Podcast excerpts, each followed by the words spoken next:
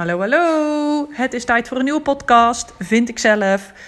Um, ik wil het hebben over stress. Uh, we hebben, er allemaal mee te maken. Um, de een af en toe, de ander chronisch. En uh, ik dacht, daar maak ik even een podcast over. Uh, een leuk weetje is dat ons brein ten opzichte van de oermens maar tot 2% is veranderd. ja, de wereld om ons heen is natuurlijk veel sneller veranderd ten opzichte van vroeger. Nou, een stressprikkel voor de oermens was er dan bijvoorbeeld wanneer een beer uh, achter hem aan zat. Het lichaam maakt dan adrenaline aan. Er wordt een seintje gegeven vanuit de hypothalamus, een plekje in je hersenen, via je ruggenmerg naar je bijnierschors. En dit zorgt er eigenlijk voor dat je hartslag omhoog gaat, dat er ook meer bloed naar je spieren gaat, dat je ademhaling zich versnelt. En ja, dan ben je dus klaar voor actie. Super handig dus als je vroeger moest vluchten voor een wild dier, of bijvoorbeeld nu wanneer er ineens een oud vrouwtje voor je auto staat. Nou, je lichaam moet dus eigenlijk gelijk in actie komen.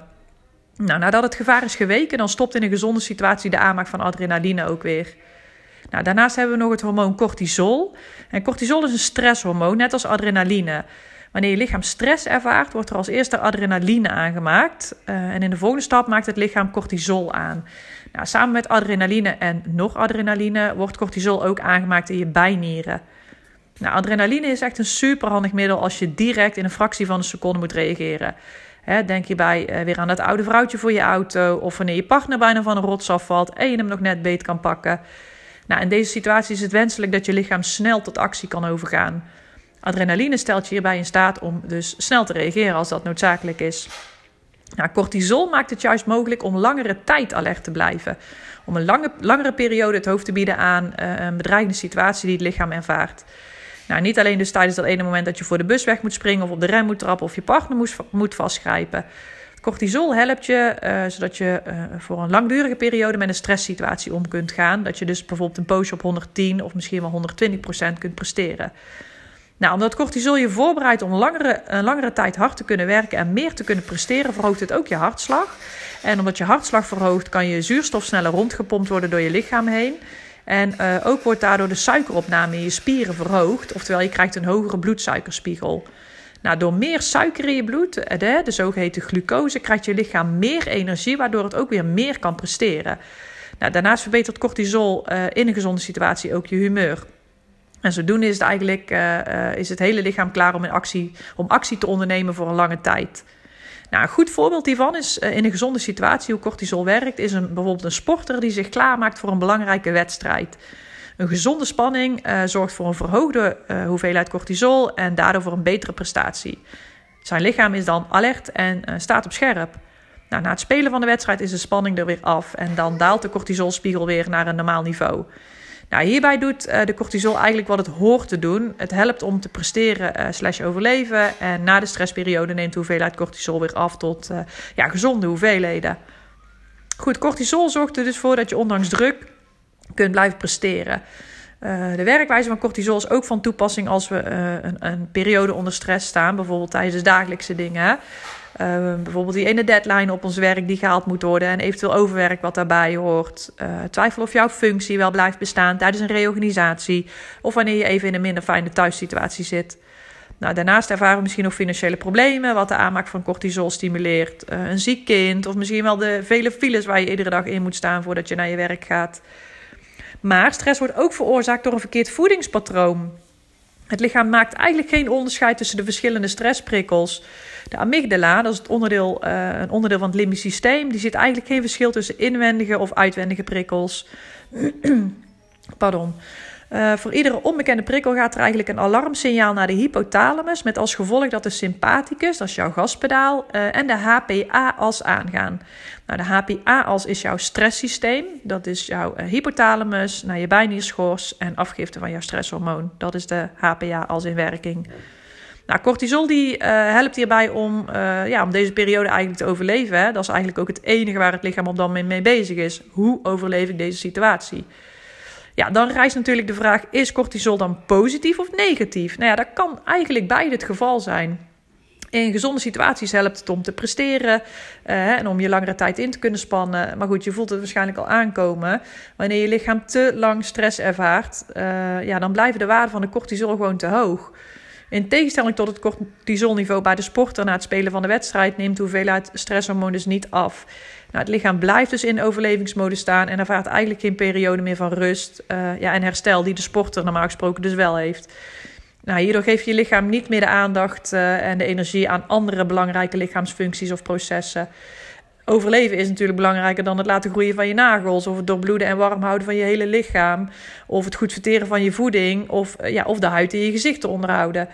Nou, op korte termijn heeft dat niet, niet direct een impact, impact op je welzijn. Uh, maar als deze blijvende stress, ook wel chronische stress uh, genoemd, langer aanhoudt, ja, dan kun je zeker gezondheidsklachten gaan ervaren. Uh, nou, de gevolgen van een lange tijd te hoog cortisol, ik heb even daar wat dingen voor opgeschreven. Dat zijn eh, slaapproblemen. In een gezonde situatie is je cortisol in de ochtend hoog, waardoor je eigenlijk uitgerust en goed wakker wordt. En naarmate de dag verstrijkt, wordt je cortisol minder en neemt het hormoon melatonine toe, waardoor je lichaam moe wordt en uh, ja, zich voorbereidt op de nacht. Overgewicht is ook een probleem bij uh, langere tijd een hoog cortisol.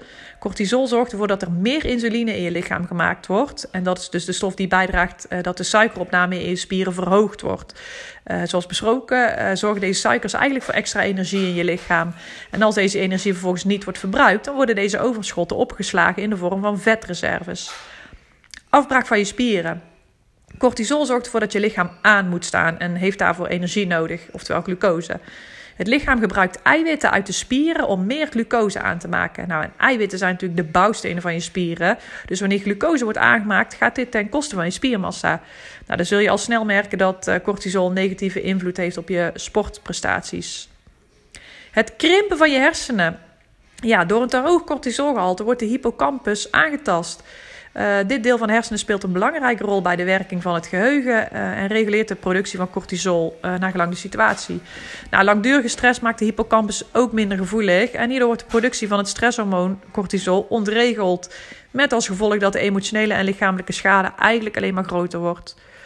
Ja, uitputting. Omdat je lichaam te lang boven de 100% heeft gefunctioneerd, zijn alle lichamelijke en mentale reserves op. Er zijn eigenlijk geen bronnen meer die aangesproken kunnen worden om goed te blijven functioneren. Ja, darmklachten. Dat is wel een hele bekende bij uh, uh, wanneer je stress ervaart. Als je lichaam in overlevingsstand staat, wordt er bloed onttrokken uit je spijsverteringsorganen. En dat kan dan weer leiden tot buikpijn, diarree of juist verstopping. Uh, ja, cortisol heeft gewoon echt een grote invloed op jouw maag- en darmstelsel. Dan nog veroudering. Omdat je lichaam andere prioriteiten stelt, gaat er minder energie naar de vernieuwing en de opbouw van cellen. Nou, het blijkt dat cellen onder stress ook sneller beschadigd raken en verouderen. Goed, als laatste dan nog een falend immuunsysteem. Een minder goed werkend immuunsysteem ontstaat vaak door langere periodes van overbelasting.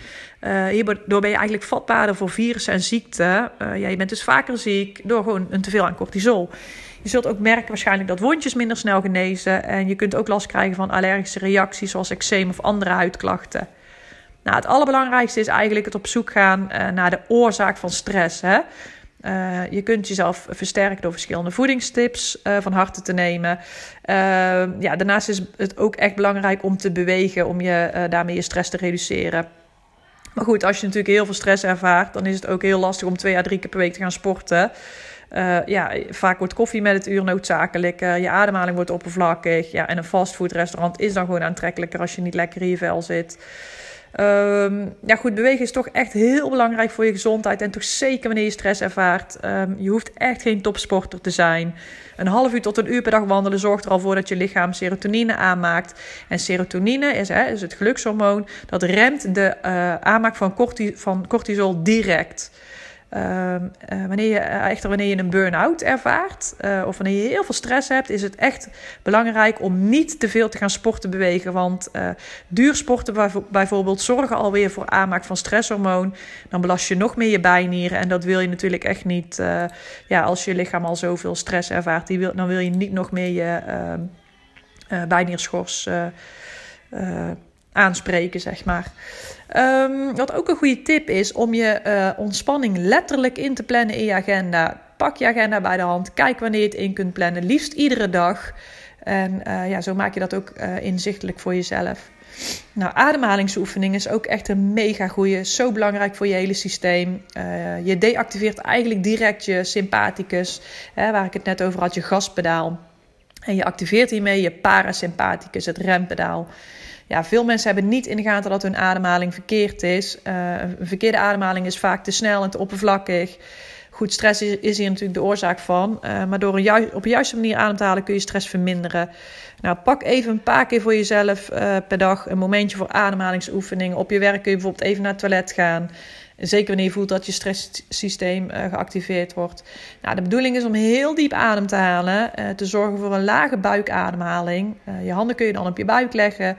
Je adem ongeveer twee tellen vasthouden. En langzaam door je mond weer uitblazen. De bedoeling is dat je langer uitblaast dan inademt. Mediteren is ook echt een hele fijne methode om je stress te reduceren. Ik weet dat het heel zweverig klinkt. Uh, maar wanneer je hier echt goed in wordt, dan merk je gewoon dat het veel gezondheidsvoordelen voor je oplevert. Uh, je kunt op Spotify kun je verschillende meditaties vinden. Geleide meditaties is in het begin heel fijn. Uh, ja, 10 minuten per dag geeft gewoon al een positief effect. Het geeft je meer rust, meer energie, focus, je angsten verminderen. Nou, je kunt je emoties reguleren, meer dankbaarheid voelen, beter slapen. Uh, Meditation Moments is een hele fijne app, maak ik zelf gebruik van. Uh, binaural Beats, ik weet niet of ik het zo goed uitspreek hoor, ik vind het altijd maar een beetje een raar woord, maar binaural Beats, die kun je vinden op Spotify bijvoorbeeld ook, uh, of in die app die ik net noemde, Meditation Moments. Dat zijn eigenlijk uh, tonen uh, in jouw linkeroor is een iets andere toon dan in jouw rechteroor, maar voor jezelf is dit niet hoorbaar. Um, die tonen die zorgen ervoor dat er een bepaald deel in jouw hersenen geactiveerd wordt, wat maakt dat jij ontspanning ervaart. Een boek lezen is natuurlijk ook heel goed voor je ontspanning. bijvoorbeeld een half uur voor het slapen gaan of lekker overdag even je moment pakken. Ja, dit waren even wat korte tips. Ik hoop dat jullie er wat aan hebben. Ik hoor dat mijn uh, middelste Chesje even de boel aan het afbreken is in de woonkamer. Dus dan ga ik even kijken. En uh, ik zou zeggen, tot de volgende. En een hele fijne dag, lieve mensen. Doei doei.